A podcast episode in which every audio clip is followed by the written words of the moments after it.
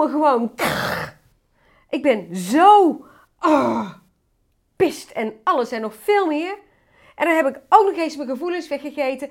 En dan voel ik me eigenlijk nog steeds kloten. Hey, leukert. Fijn dat je er bent. Welkom bij de nieuwste Vrouw in Balans podcast. En als je dit herkent, hey, blijf dan luisteren. Want dit is waar we het in deze podcast over gaan hebben.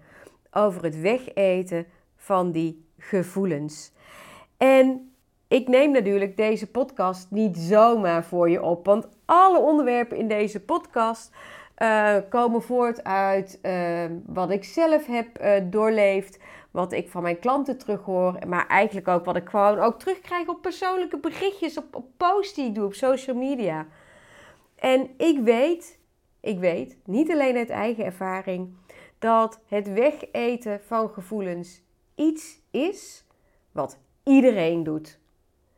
Iedereen eet, ook als het gaat over gevoelens.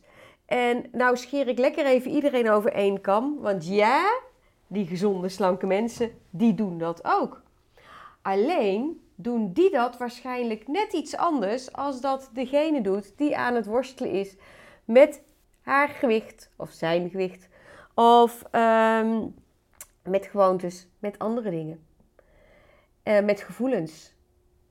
Want eten is voor het brein daadwerkelijk de korte termijn oplossing voor geluk, troost, voor alles. Voor gezelligheid, alles. En dat heeft er gewoon mee te maken met dat suiker, zoet, zout en vet exact hè, hetzelfde doen, alleen dan op die korte termijn, als dat die natuurlijke uh, hormonen in je hoofd doen. Neurotransmitters noemen we die. En dat is best wel lastig. Want als je dus ooit hebt aangeleerd, uh, en dat kan heel simpel zijn. Hè? Bijvoorbeeld, je, je, vroeger je was gevallen en dan werd er gezegd, ah neem maar een snoepje tegen de pijn. Of hè, dan krijg je dus een snoepje tegen de pijn. Dat heb je aangeleerd. Maar wat was het beste eigenlijk tegen die pijn? Daar had je helemaal geen snoep voor nodig. Het was alleen maar nodig om die aandacht even af te leiden van datgene wat je op dat moment voelde. Maar denk ook eens even aan bijvoorbeeld die avondvierdaagse met kinderen. Ik kan me nog zo goed herinneren van die avondvierdaagse met mijn kinderen. En ik deed er ook gewoon mee hoor. En dan beloonde je die kinderen continu met eten, eten, eten. En oh nee, kom, hier heb je nog een snoepje. Wel doorlopen dan. kom maar, neem maar even een snoepje en dan kun je er weer tegenaan. En als die avondvierdaagse dan was afgelopen, dan werden die kinderen helemaal behangen met snoep, snoep, snoep. En ik zei al, wij deden dat natuurlijk ook hè, met onze kinderen. Sterker nog, ik kan me herinneren, ik weet niet meer of dat bij de jongste was, maar van die oudste van mij, die is nou 25, weet ik dat 100% zeker dat het was. Die moest op een gegeven moment hier in de sporthal een uh, prik halen, een inenting. En uh, nou, dat was natuurlijk al een drama, want je komt eraan en je staat in rijen en iedereen uh, heeft het alleen maar met over die prik en andere dingen. Dus die spanning voor die kinderen wordt helemaal opgebouwd. En dan gaan ze in zo'n rijtje naar zo'n prikmevrouw toe. En die zijn hartstikke lief en die deden het hartstikke goed. Maar die kinderen stonden natuurlijk inmiddels al bol van spanning. Van, oh help, wat gaat er gebeuren?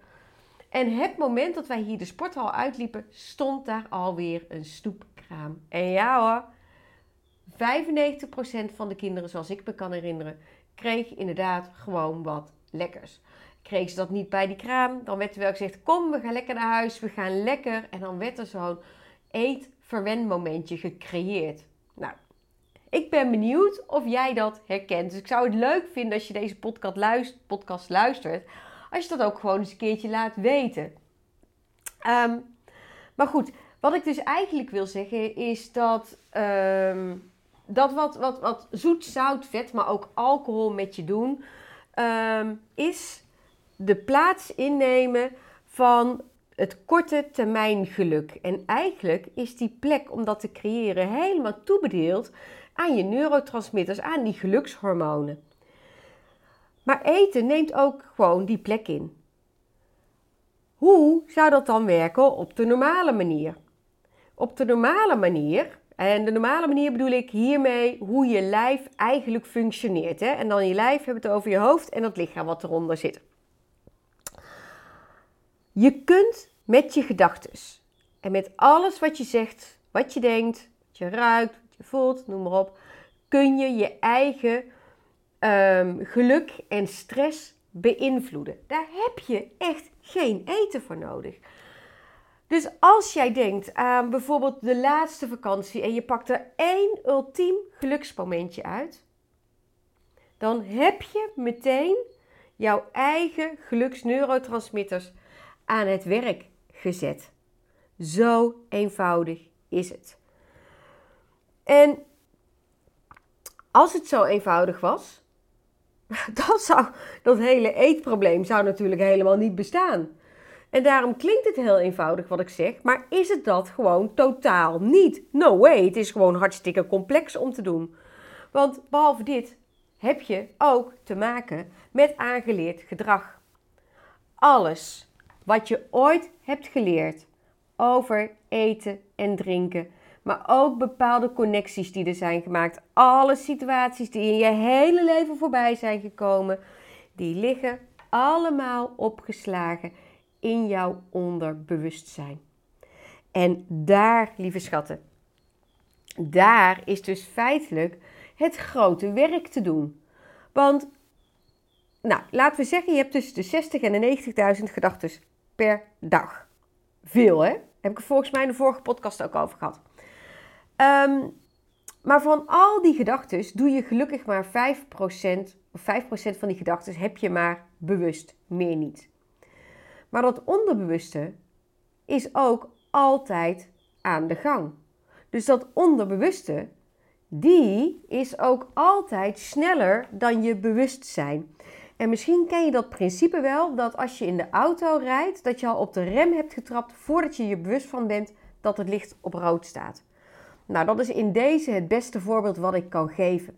Want zo gaat het dus ook met eten.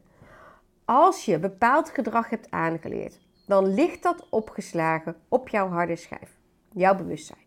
In dit geval het onderbewustzijn. En dat stukje komt dus al in actie op het moment dat er jij ergens opmerkt dat je gewoon helemaal niet happy bent. Dat je gewoon een klote gevoel hebt. ik wilde dat uh, drie letterwoord, hè, K.T zeggen, maar ik ga het even heel beschaafd houden. ik denk dat je het allemaal wel weet, maar goed. Ehm, dus als jij zelf dat gevoel opmerkt, dan is jouw onderbewustzijn al aan het werk gegaan om een oplossing te zoeken om die gevoelens die niet zo prettig zijn, om die te verzachten. Nou, als dat onbewust gebeurt, dan trap je dus continu in die valkuil dat je gaat eten of drinken om je beter te voelen.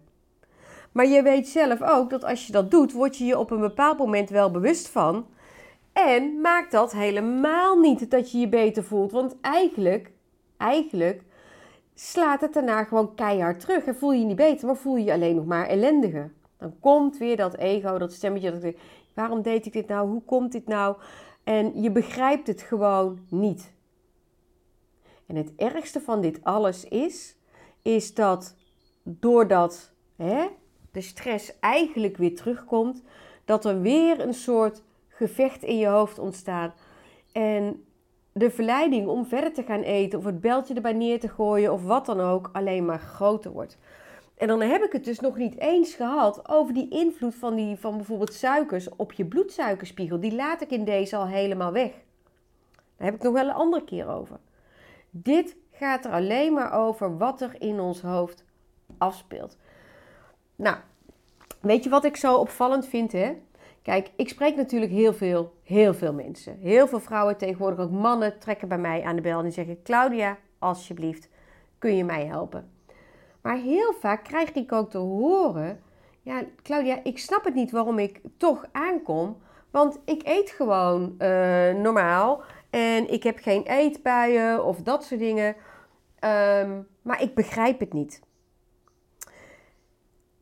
Als ik dan iemand ga coachen in een uh, persoonlijk coachtraject, dan vraag ik ook altijd om een eetdagboek. En daar zet ik ook altijd bij: oké, schrijf eerlijk op wat je in je mond stopt. En als je door het bijhouden nu besluit: ik ga het niet doen, hè, omdat je je al bewust bent, is dat natuurlijk helemaal fantastisch. Maar zet er dan wel even bij wat je normaal gesproken zou hebben gedaan. En dan ontstaat er iets heel fantastisch. Want dat tussendoor net iets te veel eten of misschien heel veel eten, dat wil je helemaal niet onthouden. Dus dat registreer je vaak ook helemaal niet bewust en dat wordt dan weer ergens in een hoekje weggestopt. Maar ik zie dus heel vaak dat het wel gebeurt. Het kan zelfs zomaar zijn dat je bijvoorbeeld uh, met vrienden uh, hebt afgesproken en je bent de gastvrouw. En je hebt een heerlijke borrelplank gemaakt en uh, nootjes en dat soort dingen. Dat je je er eigenlijk helemaal niet bewust van bent wat je in die tussentijd hè, allemaal al zelf in je mond hebt gestopt. En dit zijn eye-openers die ik geef. En het enige wat ik hiermee wil zeggen is: kijk eens liefdevol kritisch naar jezelf. En kijk eens of dat je er ook echt daadwerkelijk eerlijk over bent. Kijk, ik zeg dit zo bewust omdat ehm, ik gewoon weet hoe het is.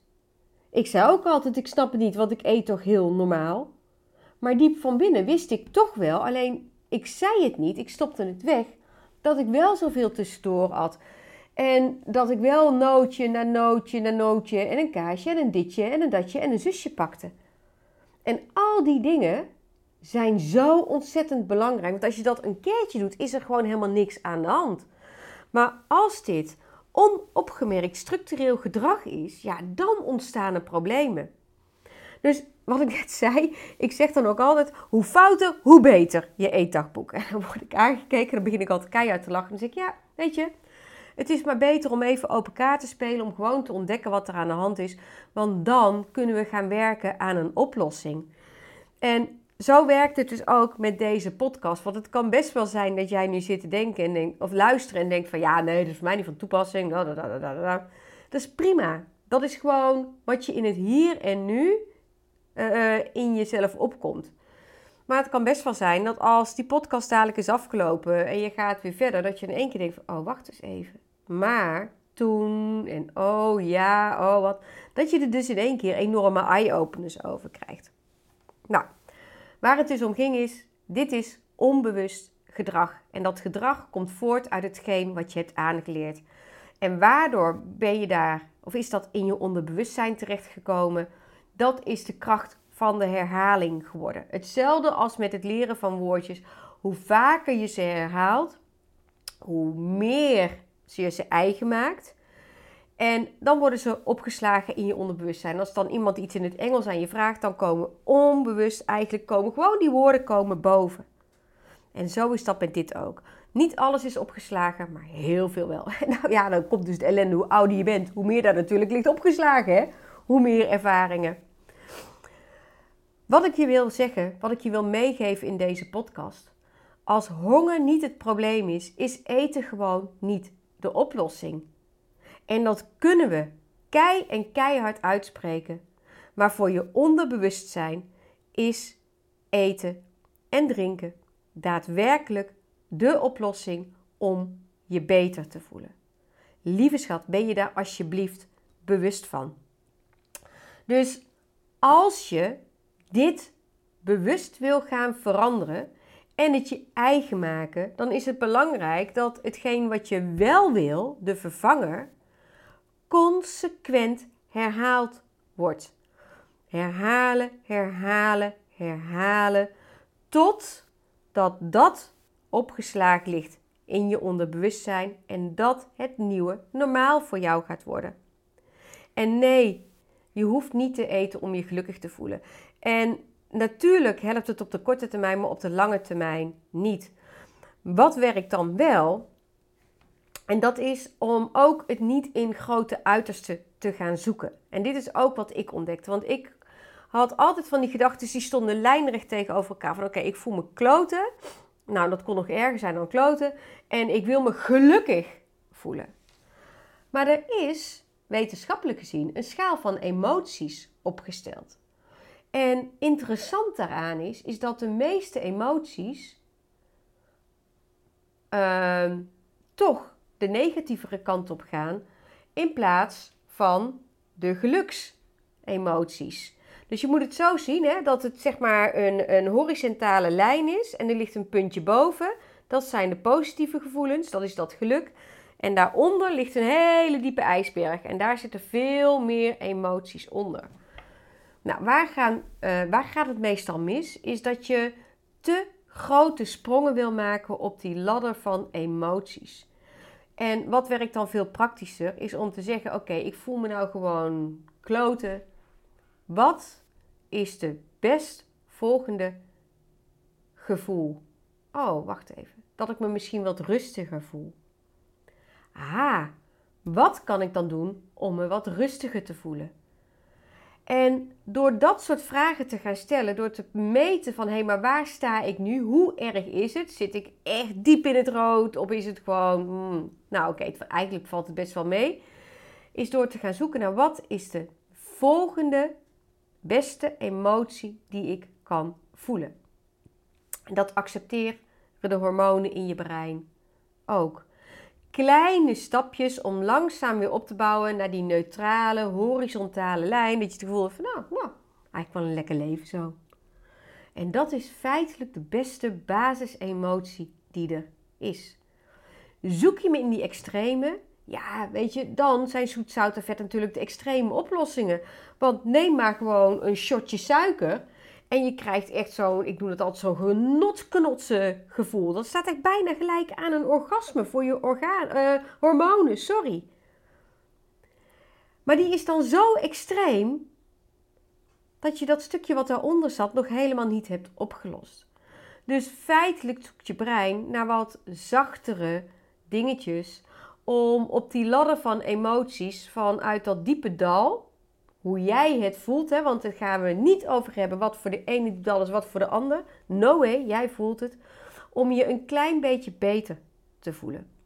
Nou, en daar helpt die zin natuurlijk wel mee. In basis mantra is dat: Ik hoef niet te eten om gelukkig te zijn.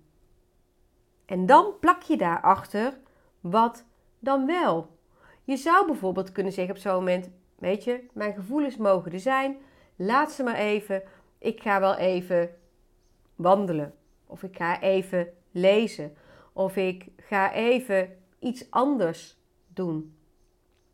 Daarmee doorbreek je meteen dat onbewuste patroon wat daarin zit, waar we het over hebben gehad, hè, wat opgeslagen ligt. En kun je, kun je je net iets beter gaan voelen. En was daadwerkelijk eten en drinken niet de oplossing. Je hebt iets anders gebruikt. Nou, ik ga je iets heel leuks geven. Eigenlijk is dat een cadeautje, want het is echt een onderdeel van het Vrouw in Balans programma. Want in het Vrouw in Balans programma heb ik het altijd over de Big Five. Vijf dingen die niks met eten en drinken te maken hebben, die je ook een fijn gevoel geven. Niet het ultieme geluk, niet hetgeen wat hartstikke veel tijd kost of ver weg is of geld kost of noem maar op. Nee, iets kleins. Vijf dingen. En eigenlijk is dit ook je EHBE-kistje. Je eerste hulp bij emotie eten kistje. Als je bewust vijf dingen voor je gaat benoemen. Als je bewust vijf dingen voor jezelf gaat benoemen. Die jou ook een fijn gevoel geven. Een fijner gevoel dan wat eronder zat. Wat er eerst was die niks met eten en drinken te maken hebben, hoef je dat alleen maar voor jezelf te blijven herhalen. En zo, zo draai je dus dat ingesleten patroon wat daar zit, help je mee omdraaien. Maar het is van, aan jou om het te gaan uitzoeken, het uit te werken en het ook daadwerkelijk te gaan ervaren. En als je het hebt ervaren, sta er dan ook heel bewust bij stil. Want alleen maar door daarna weer in jezelf te benoemen, in je gedachten, wat het je heeft gebracht. Wauw, dit werkte. Yes, ik hoefde niet te eten. Ik voel me inderdaad een beetje beter, een beetje fitter, een beetje fijner. Is dat alweer voldoende ter bevestiging van je brein? We hebben het hier alleen over het brein. Van hé, hey, dit is ook oké. Nou, deze hele podcast ehm, hoop ik dat die jou echt, echt waanzinnige inzichten en informatie en van alles geeft. Want dat is ook echt mijn doel, lieverd. Um, ik zeg overal vrouwen in balans, maar alles wat ik vertel gaat net zo goed op voor mannen. Um, dus ben je man, luister je, maak er gewoon dan man in balans uh, van. En waar ik haar zeg, maak er hem van. Want het maakt allemaal niet uit. Dit is het spelletje dat in ieders brein omgaat. Um, en ik hoop echt, lieverds, dat uh, ik jou hierbij weer wat mocht helpen, wat inzichten mocht geven. En voel je vrij om deze podcast te delen met iedereen die jij dit ook gunt. Um, en ja, nou dan zijn we, ja, ik zit even, waar zijn we nou? Nou, we zijn gewoon aan het einde van de podcast gekomen. Ik uh, wens je een hele fijne dag en uh, ik hoop dat je er een hele mooie dag van gaat maken. Um, en ik uh, hoop je heel graag weer te ontmoeten bij de volgende podcast. Lieve groet van Claudia. Hoi hoi.